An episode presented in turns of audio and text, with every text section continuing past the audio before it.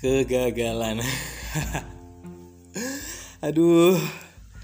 Beberapa hari ini tuh aku sempat dapat beberapa cerita dari adik-adikku khususnya yang masih baru lulus sekolah. Mereka yang berjuang sedemikian rupa untuk bisa kuliah di kampus-kampus favorit. Tapi pada akhirnya mereka mendapatkan sebuah hasil bernama gagal. Tapi hari ini aku nggak pengen cerita tentang hal itu. Aku pengen lebih bercerita tentang kegagalan yang aku alami. Jadi kayak pengen aja gitu kan mamerin kegagalan yang pernah aku alami dulu. Makanya kayak ini butuh waktu banget untuk bisa membuka kembali kotak-kotak cerita yang pernah aku alami sepanjang perjalanan aku hidup sampai hari ini. Kalau ngomongin kegagalan itu apa ya?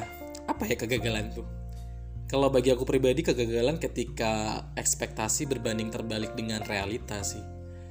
Dan momen paling menyakitkannya ketika kita gagal biasanya aku pribadi tuh akan masuk pada sebuah koridor di mana energi negatif men-take over seluruh energi yang aku punya.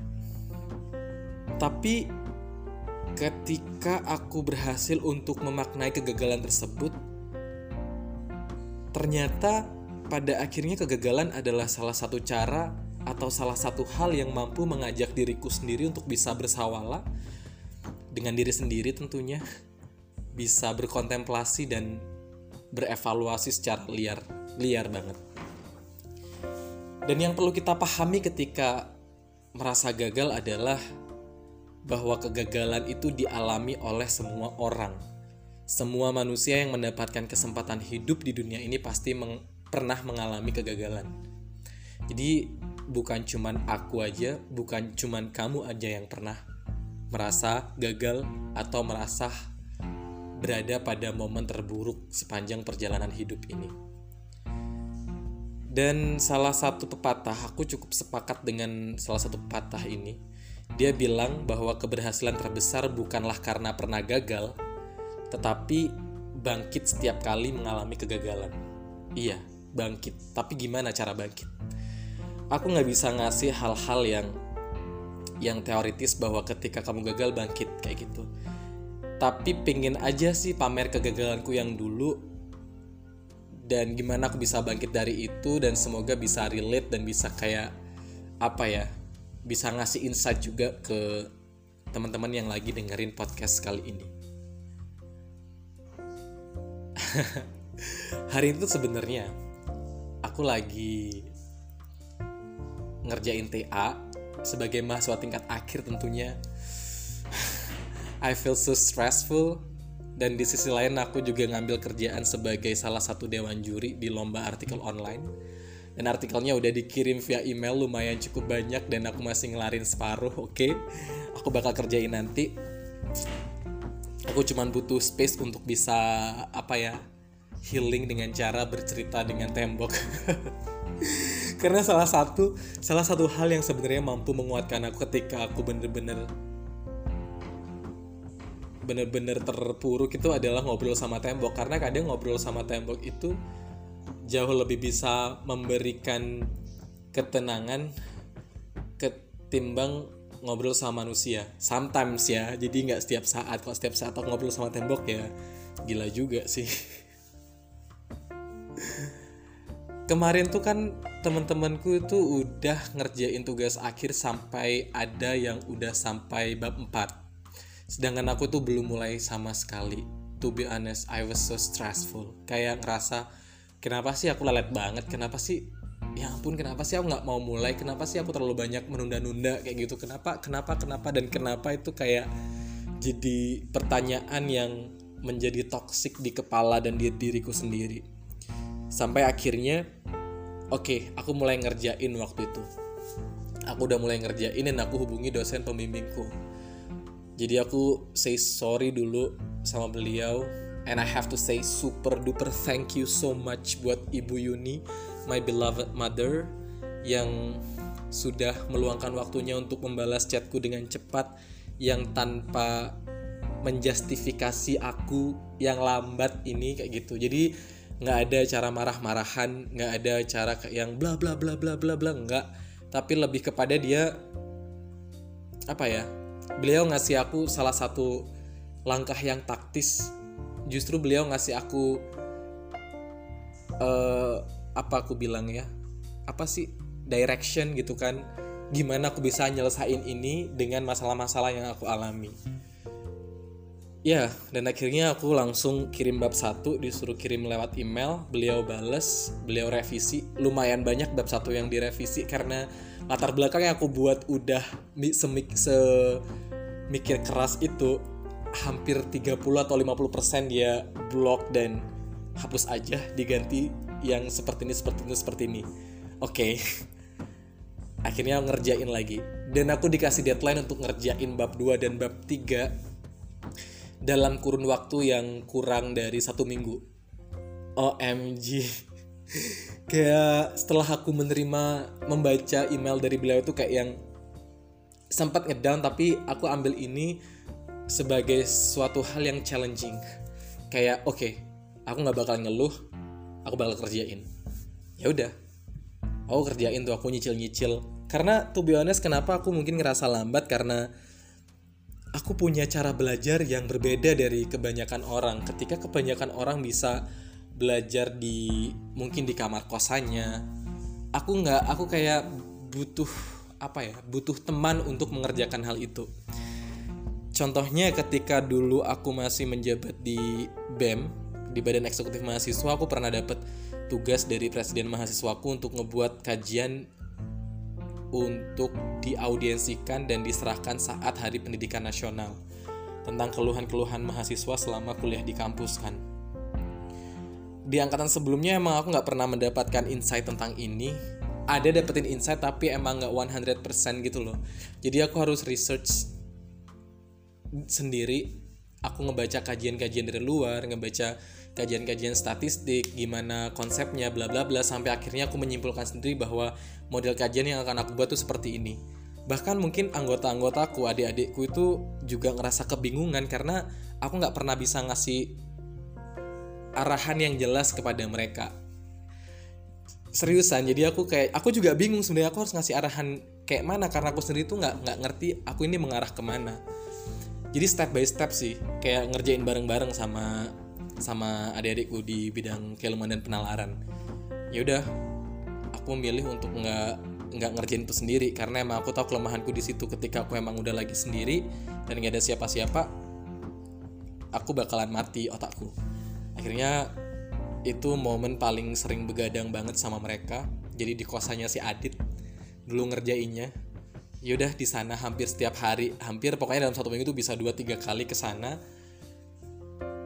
Sampai mereka itu kayak komplain ke aku kak apa yang aku bisa bantu? Gitu kan. Aku juga bingung apa yang bisa kamu bantu? Gitu kan. Karena aku pribadi juga punya target bahwa kajiannya harus selesai sedangkan deadline-nya udah udah mau deket-deket nih. Jadinya aku yang men take over kajian itu dan mereka ngebantu juga. Jadi mereka ngebantu kayak ngerekap hasil kuesioner ngebuat kuesioner terus ngasih uh, pandangan-pandangan hipotesa bla bla bla yang kemudian tuh aku kumpulin dan aku rangkum lagi dalam sebuah kajian. Dan mereka juga kadang ngebantu ngetik dan bla bla bla lah kayak gitu. Pokoknya bareng bareng lah kita ngerjain. Dan ketika emang aku lagi mood tuh lagi kayak yang energiku lagi uh, penuh penuhnya aku bakal diem di depan laptop oke okay, sini kakak yang ngetik and then mereka aku nggak peduli sih mereka mereka mau tiduran mereka mau ngobrol mereka mau apa. To be honest mungkin mereka yang sampai merasa nggak enak gitu karena kok aku yang ngerjain dan mereka yang malah malah tiduran. Sebenarnya nggak apa-apa karena emang itu kebutuhanku. Justru ketika aku ditemani kayak gitu yang penting ada orang di sebelahku aku lebih ngalir kayak gitu. Dan akhirnya kajian itu jadi dan diaudiensikan. Terus emang nggak bisa sendiri nggak tahu kenapa. Bahkan sampai temanku itu ya si Anjas temanku itu teman kosanku dulu itu kayak mungkin ngerasa aneh sih. Aku tuh kalau belajar aku minta temenin sama dia apalagi yang uh, belajar-belajar hafalan. Aku tuh sampai minta dia aja temenin aku ke atas. Jadi dari kosan kosan di Goagong deket rektorat Unut naik ke atas ke arah Nirmala. Itu kan tanjakan tuh kan akhirnya baliknya itu motor dimatiin dan udah turun gitu aja dan di situ aku menghafal. Jadi lebih encer. Kayak gitu kita bolak-balik tiga kali apa dua kali aku lupa. Dan akhirnya balik lagi ke kosan. Itu salah satu cara belajar yang aneh menurutku tapi ya emang itu sih. Dan di saat-saat seperti ini saat di mana aku harus berjuang untuk salah satu tugas yang paling berat tugas akhir malah keadaannya corona. Jadi emang nggak bisa ketemu temen terus kafe-kafe juga udah pada tutup cepet gitu. And I have to say thanks sama uh, Kopi Jazz salah satu coffee shop di Denpasar karena dia menjadi salah satu tempat di mana aku bisa berpikir liar dan menyelesaikan tugas-tugas akhirku. Sampai aku nggak enak sama masnya kadang mereka tutup jam 9 dan aku bilang mas bentar lagi ya dikit lagi kayak gitu. Ya tutupnya jadi lebih-lebih lah gitu. Tapi aku kayak respect their time lah nggak mau minta waktu yang sampai lama banget sampai jam satu jam even setengah jam aku juga masih mikir dua kali karena men ini juga salah satu cara mereka ngedukung pemberantasan corona gitu kan. Ya udah jadi begitulah kisah tugas akhirku. Lagi ngomong ngomongin tugas akhir ya nggak balik lagi ke, ke kegagalan. Jadi nggak nyambung tapi nggak apa deh gue lanjutin aja. Kegagalan sebenarnya ketika merasa gagal itu sebelum kita gagal akan melakukan suatu hal sebenarnya aku pribadi udah cukup banget menyimpan begitu banyak amunisi kisah-kisah orang yang pernah gagal kemudian berhasil ya yang paling familiar kayak ceritanya J.K. Rowling terus si KFC itu juga dan lain-lain aku pikir itu udah cukup lah jadi amunisi buat aku pribadi untuk siap gagal tapi kenyataannya ketika aku pribadi merasa gagal semuanya mendadak jadi nggak semudah itu. Jadi nggak semudah itu Ferguson. Sumpret. Cerita kegagalan ini dimulai ketika aku di Samarinda. Oke. Okay. aku itu anaknya suka musik banget. Musik banget. Kayak setiap hari tuh nggak bisa hidup tanpa musik rasanya. Mungkin ini adalah hal genetik yang diturunkan dari orang tuaku jadi bapakku itu orang yang bisa main gitar jago main gitar. Dan aku dulu sering dinabobokkan dengan permainan gitarnya dan lagu-lagu Iwan Fals masih inget banget. Dan ibuku itu adalah penyanyi dangdut. Akhirnya bakat dari bapakku itu turun ke kakakku yang bisa main gitar dan mungkin bakat dari ibuku itu turun ke aku yang bisa nyanyi. Karena kakakku bisa main gitar dan suaranya nggak bagus-bagus banget. Sorry bang. Gitu akhirnya ya itu karena mungkin dari secara genetik uh, ada ketertarikan kepada musik akhirnya musik menjadi salah satu hal yang nggak dapat terpisahkan dari kehidupanku. Even ketika aku merasa senang ketika aku merasa sedih aku bah biasanya merayakannya dengan musik kayak gitu kan.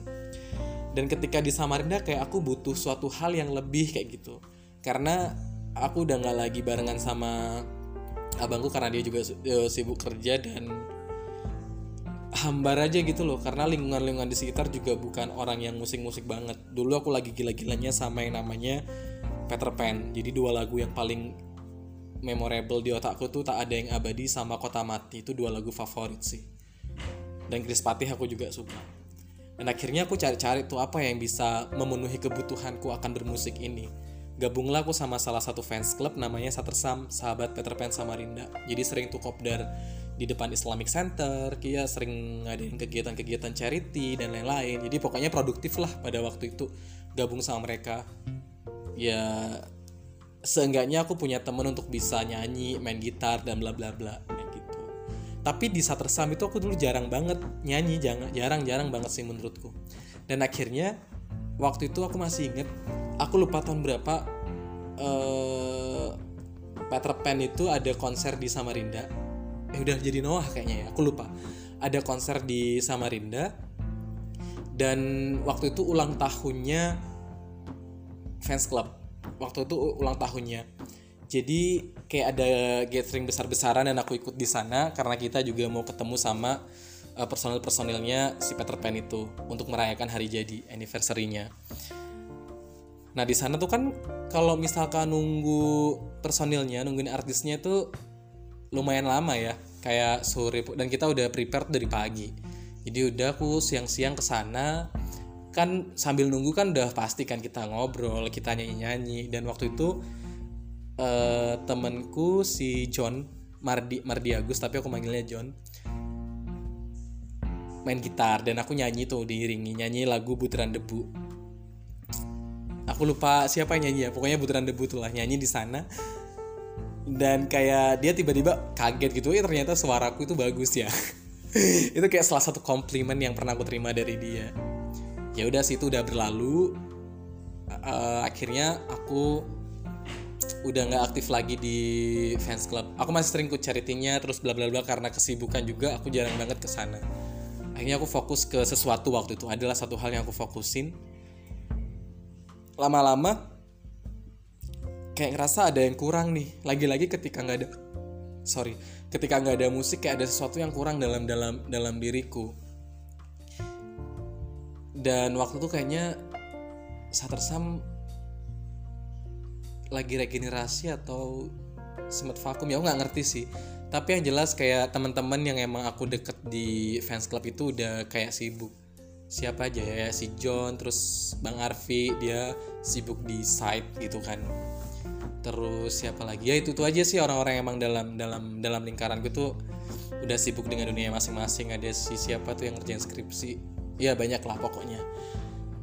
Akhirnya udahlah aku juga nggak nggak join ke sana karena aku juga ada hal yang aku urusin. Tapi dalam kurun waktu beberapa bulan ngebuat aku sedih gitu loh. Kayak nggak ada partner buat bermusik lagi. Dan kebetulan temanku si John si Mardi ini ngebuat salah satu komunitas namanya Busa Music Bubuhan Samarinda Music. Waktu itu sempat di invite sama dia oke okay, aku join dan dia mau ngadain salah satu event kecil-kecilan kayak festival akustik gitulah. Jadi aku sempat juga ketemu dia di salah satu studio musik. Aku lupa apa namanya studio musiknya ya. Pokoknya dia studio salah satu studio musik yang ada di deket-deket jalan Sentosa. Di sana ketemu sama dia bla bla bla ngobrol dan akhirnya diajak juga uh, gatheringnya di Ruby Queen Cafe. Aku masih inget banget Ruby Queen Cafe. Itu jadi salah satu tempat di mana pada akhirnya aku gagal. Ya aku cukup dekat dengan owner dari cafe ini Bang Firman. Jadi ketika aku main ke sana itu selalu disuruh karaokean dan aku selalu bawain lagunya Chris Patti yang demi cinta. Bahkan ketika ada live music aku sering nyumbang. Nah waktu itu uh, pertama kali aku join sama Busa Music itu kan kayak ketemu musisi-musisi yang emang udah handal banget lah. Kayak aku jadi insecure sama mereka. Dan waktu itu kan kayak jamming session gitu loh di sana. Jamming session dan akhirnya aku disuruh naik. Nyanyi nyanyi, nyanyi gitu kan. Yaudah nyanyilah aku diringin sama si Yugo namanya. Aku masih inget banget berdua. Dan mungkin kita punya salah satu genre musik yang hampir sama yang nggak bukan aliran Metallica dan lain-lain kayak gitu. Tapi Busa Music ini salah satu eh, komunitas musik yang emang menerima semua genre sih. Tidak terpaku pada salah satu genre aja. Udah tuh kan ketemu sama si Yugo dan singkat cerita akhirnya kami berdua memutuskan untuk join sebagai salah satu peserta di di Busa Music ini di eventnya temanku si John. Udah kan tuh udah join aku udah sering main banget ke kosannya dia kita latihan. Waktu itu latihannya masih lagu-lagunya tulus. Ya, yang sewindu kita ulik-ulik itu setiap hari tapi dipikir-pikir kan kita cuma berdua kayak kurang rame gitu. Akhirnya nyari personil lagi. Datanglah uh, si Mas Dimas sama si Agung. Si Agung di Kajon dan si Mas Dimas di mana ya? Aku lupa di gitar dua kayaknya. Udah kan lagu yang pernah diulik uh, dengan judul Sewindu itu akhirnya berubah. Jadi kita tuh kebentuk karena emang mendadak banget nggak ada persiapan yang mateng banget. Tiba-tiba lagu berubah lagu wajibnya kita bawain All of Me terus lagu pilihannya kita bawain ini hapus aku dari Niji. Tapi kita buat sedikit bossa nova waktu itu kita aransemen ulang.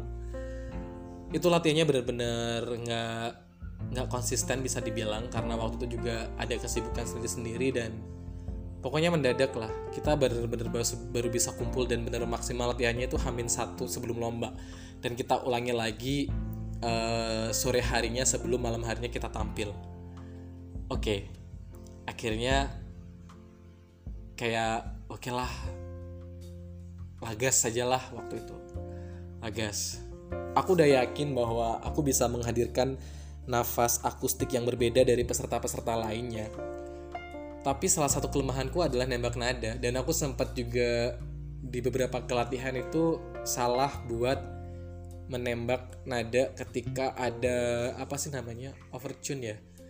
Ada salah satu part di lagu itu dari dari koda mau lanjut ke mana ya ke ref kalau nggak salah. Itu kita naikin setengah atau satu gitu dan aku tuh selalu nyangkut di sana selalu nyangkut tapi kadang berhasil kadang nyangkut. Jadi nggak ada formulasi yang pas sehingga oke okay, harus kayak gini supaya um, nada yang aku tembak pas. Itulah kayak problemnya persiapannya intinya nggak matang dan akhirnya di hari H guys you need to know. Ketika aku udah di panggung emang tekanannya begitu luar biasa. That was my very very first time to join with acoustic competition. Dan aku ngebawa orang-orang di belakang aku sebagai pemain musik. Dilihat dewan-dewan juri dan yang nonton adalah sebagian besar anak-anak komunitas. Dan waktu itu juga teman-temanku Bang Ervin, Mbak Lia, Bang Helmi, Mbak Devi datang buat nontonin aku. Sumpah. Tahu gak sih? Ketika petikan pertama gitar itu dijreng aku nyanyi dan itu fals parah aku malu banget kalau masih itu sumpah aku kle sedih banget sih.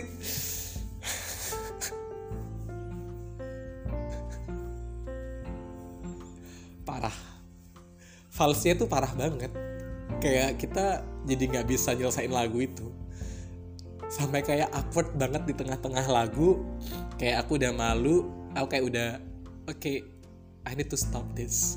Akhirnya kayak kita stop di tengah jalan gitu. Sambil kayak yang lihat-lihatan kayak yang kok bisa gini ya? Kayak aku ngerasa bersalah waktu itu. Udah tekanan makin tinggi udah ngerasa bersalah. Akhirnya lanjut ke lagu kedua. Lagu kedua itu Niji hapus aku. Kayak aku pikir oke okay, aku bisa lebih baik dari lagu sebelumnya. Aku harus balas dendam di lagu ini. Kayak tekanan tuh aku, aku harus balas dendam aku harus balas dendam. Kayak gitu aja dalam dalam dalam diriku. Pada akhirnya lagu ini dinyanyikan. Ya udah sih kayaknya lebih better dari sebelumnya tapi tetap buruk you know kan? Kayak masih nadanya tepat cuma di beberapa bait tapi kemudian goyang lagi. Dan yang waktu di overtune itu yang emang jadi goals dari lagu itu. Kayak mana ya?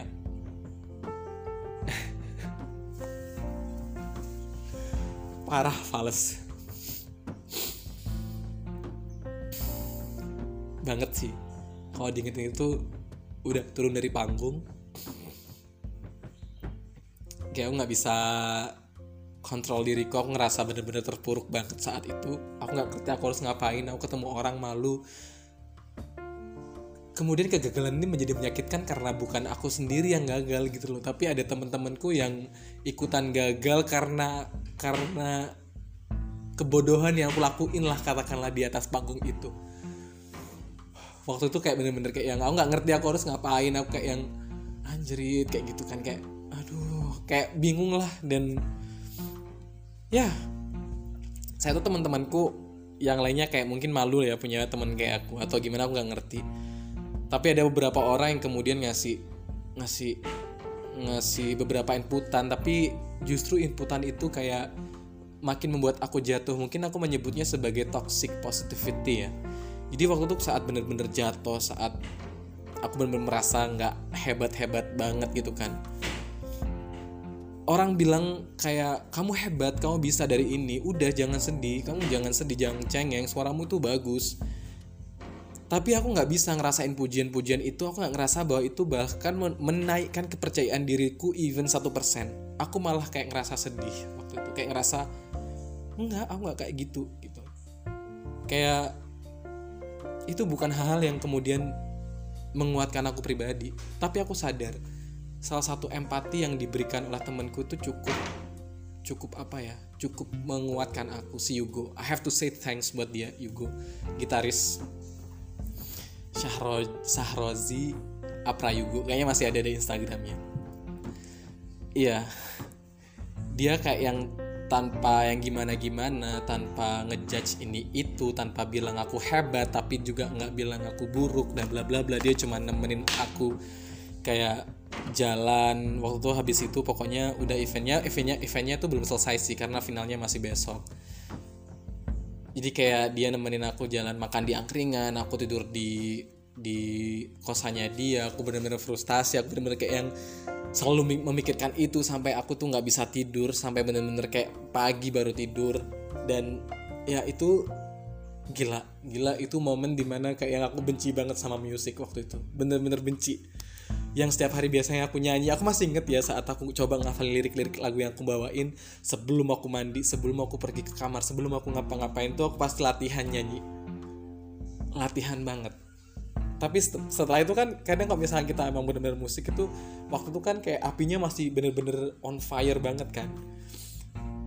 Dan ketika udah mengalami kegagalan itu kayak apinya jadi redup tapi masih hidup sedikit dan api yang kecil hidup itulah yang pada akhirnya membantu aku untuk bisa menguasai kebencian yang sedang mengontrol diriku sendiri ini. Waktu aku di kamar mandi tuh ya. Biasa mandi kan kayak udah seger terus nyanyi na na na na na na na na na terus kayak yang inget lagi dengan kejadian tuh kayak yang oh shit man. Kayak marah sendiri galau sendiri dan nggak ngerti lah. Kayak anjir gitu kan kayak fuck semuanya lah kayak gitu. Umpatan-umpatan tuh keluar ke dalam diriku sendiri tapi aku masih respect sama temanku yang eventnya masih jalan jadi aku tetap hadir meskipun kayak kehadiranku itu sebenarnya kayak ngebuka kegagalan yang pernah aku alamin tuh nggak enak banget. Jadi kayak yang setiap ke sana ya aku coba ngobrol hal-hal lain tidak membahas performa pada malam hari itu. Tapi setelah itu setelah itu selesai setelah itu selesai aku bener-bener kayak yang udah give up gitu kan udah kayak yang udahlah kayak gitu. Udah cukup enough kayak udah ngerasa jatuh sejatuh jatuhnya lah. Udah nggak ngerti harus ngapain. Sempat selama beberapa hari hampir semingguan aku itu kayak mengalihkan fokusku untuk tidak memikirkan tentang musik. Sampai pada akhirnya ada sebuah konser namanya konser bukan konser sih kayak ada performan dari Semi Simorangkir.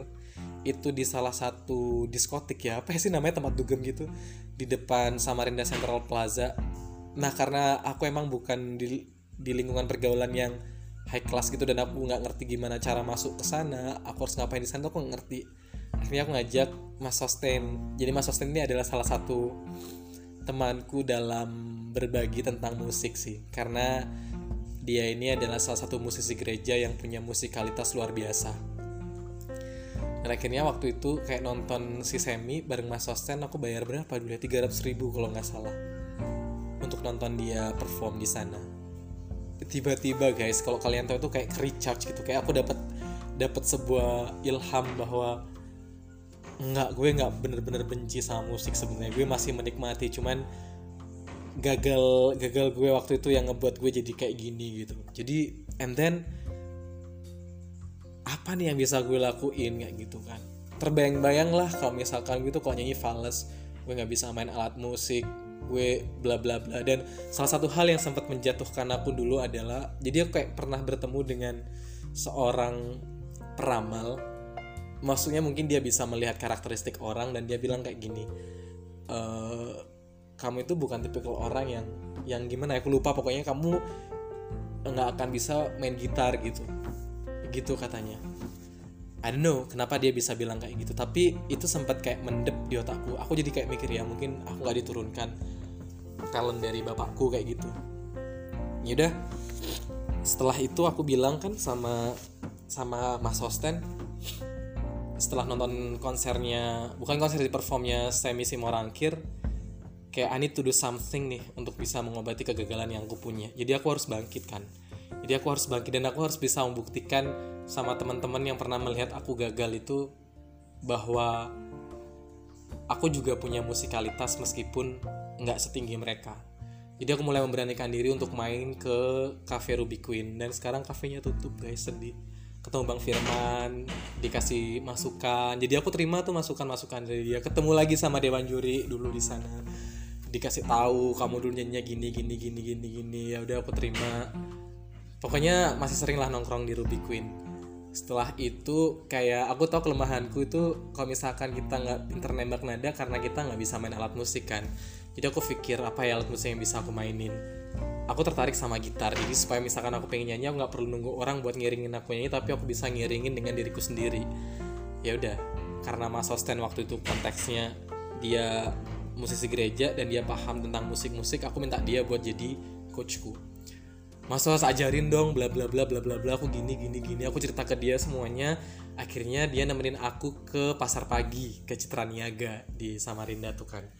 Nyari gitar-gitar murah buat belajar. Dapatlah gitar yang emang uh, senarnya tuh nilon karena buat belajar kan. Karena dulu waktu aku belajar sama abangku pakai gitar apa sih namanya sting ya? Ya itu itu sakit dan sampai luka jari-jariku udah setelah beli tuh harganya kayaknya tiga ratusan ribu. 350 aku lupa. Jadi atas pilihan Mas Sosten akhirnya di kosan Mas Hosten ngajarin aku lah basic-basic main gitar. Aku harus ngapain sampai dikasih tips kayak eh, kalau misalkan bisa kan aku dulu nggak bisa pindah-pindah chord guys. Kayak main pakai karet tuh lo diikat di, di jari-jari terus dimain-mainin gini supaya tangan kita lentur. Dan aku ngelakuin hal itu tapi aku nggak ngerti itu kayak ngebantu aku atau enggak akhirnya udahlah konsisten dan persisten banget aku belajar main gitar. Di mana pun di di kosan di mana aku selalu bawa gitarku dan aku uh, pokoknya waktu itu targetku aku bisa main tiga chord aja. Tiga chord itu aku kayak E minor A D itu aku ulang-ulangi aku ulang-ulangi. Habis itu setelah aku bisa mulai pindah-pindah udah aku mulai cari lirik lagu yang emang chordnya biasa-biasa aja. Targetku waktu itu cukup bisa main gitar tapi nggak expert di main gitar itu salah satu hal yang pengen aku capai setelah aku ngerasa gagal. Udah kan aku udah belajar main gitar sekitar tiga bulan kayaknya tapi tiga bulan tuh nggak cukup banget. Dan ada satu hal tuh kan karena aku fales waktu nyanyi especially ketika nembak nada jadinya waktu itu kayaknya gitarnya aku jual karena aku kekurangan duit. Ya karena apa ya dulu ya lupa karena pokoknya waktu itu aku lagi-lagi bener-bener singkip lah duitnya. Akhirnya aku jual dan laku laku 250-an ribu gitu kan. Aku lepas udah dibeli dia dapat duit dan akhirnya waktu itu aku harus balik ke Berau. Dan di sana kayak masih kurang puas karena merasa bahwa targetku itu belum tercapai gitu kan. Akhirnya aku pergi ke salah satu tempat kursusan namanya Adante Musika dan aku bertemu dengan guruku namanya Mbak Erin Merdekawati guru vokalku waktu itu. I have to say thanks also to her. Karena di awal aku kursus musik tuh aku langsung kayak bercerita gitu kan sama dia tentang masalahku aku. Kemarin ikut ini mbak gur lomba gini gini gini gini gini. Kayak dia ngasih motivasi terus kayak yang udah rajin-rajin aja main ke sini jamming jamming bareng nyanyi nyanyi bareng gitu. Tapi kan aku ikut kelas vokal kan jadi kayak ya udah aku belajar tuh kan belajar membaca notasi, belajar humming, belajar do re mi fa sol la si do yang basic-basic vokal lah. Nanti setelah selesai belajar basic vokal tuh aku biasanya minta waktu kayak setengah jam atau berapa menit gitu kan untuk uh, pinjam gitarnya. Karena di sana tuh alat musik bener-bener banyak, ada keyboard, ada angklung, ada sape, ada gitar juga. Karena uh, ada tim musik ini juga ngebuka kelas uh, alat musik udah tuh aku lupa berjalan berapa lama ya sebulan atau dua bulan. Iya kayaknya sebulan dua bulan lah sama mbak guruku itu. Cukup. Dan akhirnya di sana itu karena aku keseringan banget berkumpul sama orang-orang yang emang suka musik kebentuk lah akhirnya aku di sana. Kayak aku akhirnya bisa main gitar. Karena uh, di sana kayak sebagai tempat aku menyembuhkan kegagalan itu dulu kayak udahlah aku main gitar hampir tiap hari terus dengerin lihat orang main gitar. Kayak udah kebawa gitu enjoynya di sana. Dan ketika aku udah ngerasa karena emang targetku waktu itu bisa main gitar tapi nggak expert ya kayak bawain satu lagu aja pokoknya pakai pakai gitar secara sendiri. Dan ada tim musika dan mbak guru memberikan aku ruang untuk untuk melakukan hal itu. Udah udah bisa main gitar kayak puas aja sih waktu itu. Kayak yang aku upload di Facebook waktu itu pertama kali aku main gitar dan kayak teman-teman gitu yang yang dulu pernah gagal bareng-bareng tuh kayak amazed gitu. Ih katanya nggak bisa main gitar, ih katanya gini gini gini gini gini. Kayak yang kayak anjir gitu kan. Aku juga kaget. Bayangkan dari yang emang bener-bener aku nggak bisa banget. Akhirnya aku bisa bawain satu lagu dan aku bisa upload ke sosial media aku itu kayak momen paling membanggakan dalam meskipun kayak pencapaian ini kecil sih menurutku. Sampai karena targetku tujuanku tuh udah tercapai. Dan di kelas vokal waktu itu aku heran ya tujuanku main gitar tapi kenapa aku ngambilnya kelas vokal? Ya itu ada cerita lain sih. Sampai akhirnya aku memutuskan untuk udah stop uh, kursus di sana karena aku rasa tujuanku targetku udah tercapai dan um, aku pengen jadi yang lain. Jadi apa bahasanya? Aku lagi prepare buat buat masuk kampus. Karena aku emang bener-bener mau kayak yang apa ya? Bener-bener prepare lah pokoknya buat bisa kuliah lagi. Bener-bener prepare di sana. Dan sedih waktu itu kayak guruku Mbak Erin pernah bilang kalau misalkan dia mau buat kayak mini show gitu kan dan aku juga disuruh tampil di sana. Aku bahagia mendengar itu tapi karena aku nggak punya banyak waktu dan aku harus bener-bener apa ya namanya mengaudit lingkunganku sendiri. Kayak misalkan lingkungan-lingkungan mana yang emang bisa ngebuat aku nggak fokus nih kayak lingkungan ini oke okay, aku nggak bakalan ke sana tongkrongan ini aku nggak bakalan ke sana itu aku audit supaya aku bisa bener-bener fokus nyelesain apa yang pengen aku kejar selanjutnya. Tapi seenggaknya targetku untuk bisa main gitar tuh udah tercapai di sana kan. Udah deh tuh kan. Akhirnya bahagia seneng. Ya begitulah. Dan akhirnya aku sekarang bisa main gitar. Receh ya tapi hal yang kemudian bisa aku pelajari dari cerita-ceritaku itu adalah ini ketika kamu merasa gagal harga dirimu itu jadi rusak. Harapanmu jadi lemah. Kamu ngerasa bodoh ngerasa nggak pantas dan ngerasa bla bla bla. Dan tentunya sebagai seorang partner atau sebagai teman yang baik aku juga mengevaluasi diriku sendiri. Kadang kita nggak perlu ngasih afirmasi yang positif yang berbanding terbalik dengan kenyataan yang ada. Misalkan kayak aku ngerasa bodoh banget terus lu ngasih inputan ke temen lu kalau misalkan nggak lu pinter. Itu nggak bisa karena susah untuk nyampe itu. Lebih baik kita ngasih empati sih aku bilang. Karena ketika kita memberikan justifikasi yang kayak gitu tuh malah jadi kayak toxic positivity ya namanya. Pujian-pujian lo tuh nggak akan berguna justru kayak semakin menyakitkan orang-orang yang pernah mengalami kegagalan itu sendiri. Dan apa ya gagal itu awal dari sebuah semangat untuk meraih apa-apa yang ingin dicapai dan diinginkan. Saat ngerasa gagal udah pasti kan ngerasa kayak lo satu-satunya orang paling buruk di dunia. Meskipun lo tahu bahwa kegagalan adalah hal yang dialami oleh semua orang. Jadi jangan pernah jangan pernah apa yang ngerasa sendirilah. Kadang kita juga butuh buat give a pause kita perlu rehat entah buat healing entah buat pelarian. Yang penting itu bisa ngejernihin apa-apa yang sedang mengontrol diri kita sendiri. Kegagalan ini ngebuat aku sadar kalau usaha emang belum maksimal jadi masih banyak hal-hal yang belum diperbaiki. Jadi apa ya jadi lebih bijak karena kita tahu the weakness of mind. And we are working on it.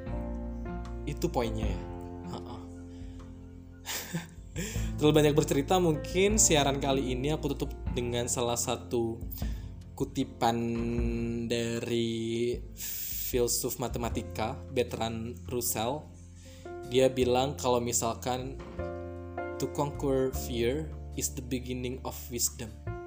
Iya, menaklukkan rasa takut adalah awal dari kebijaksanaan.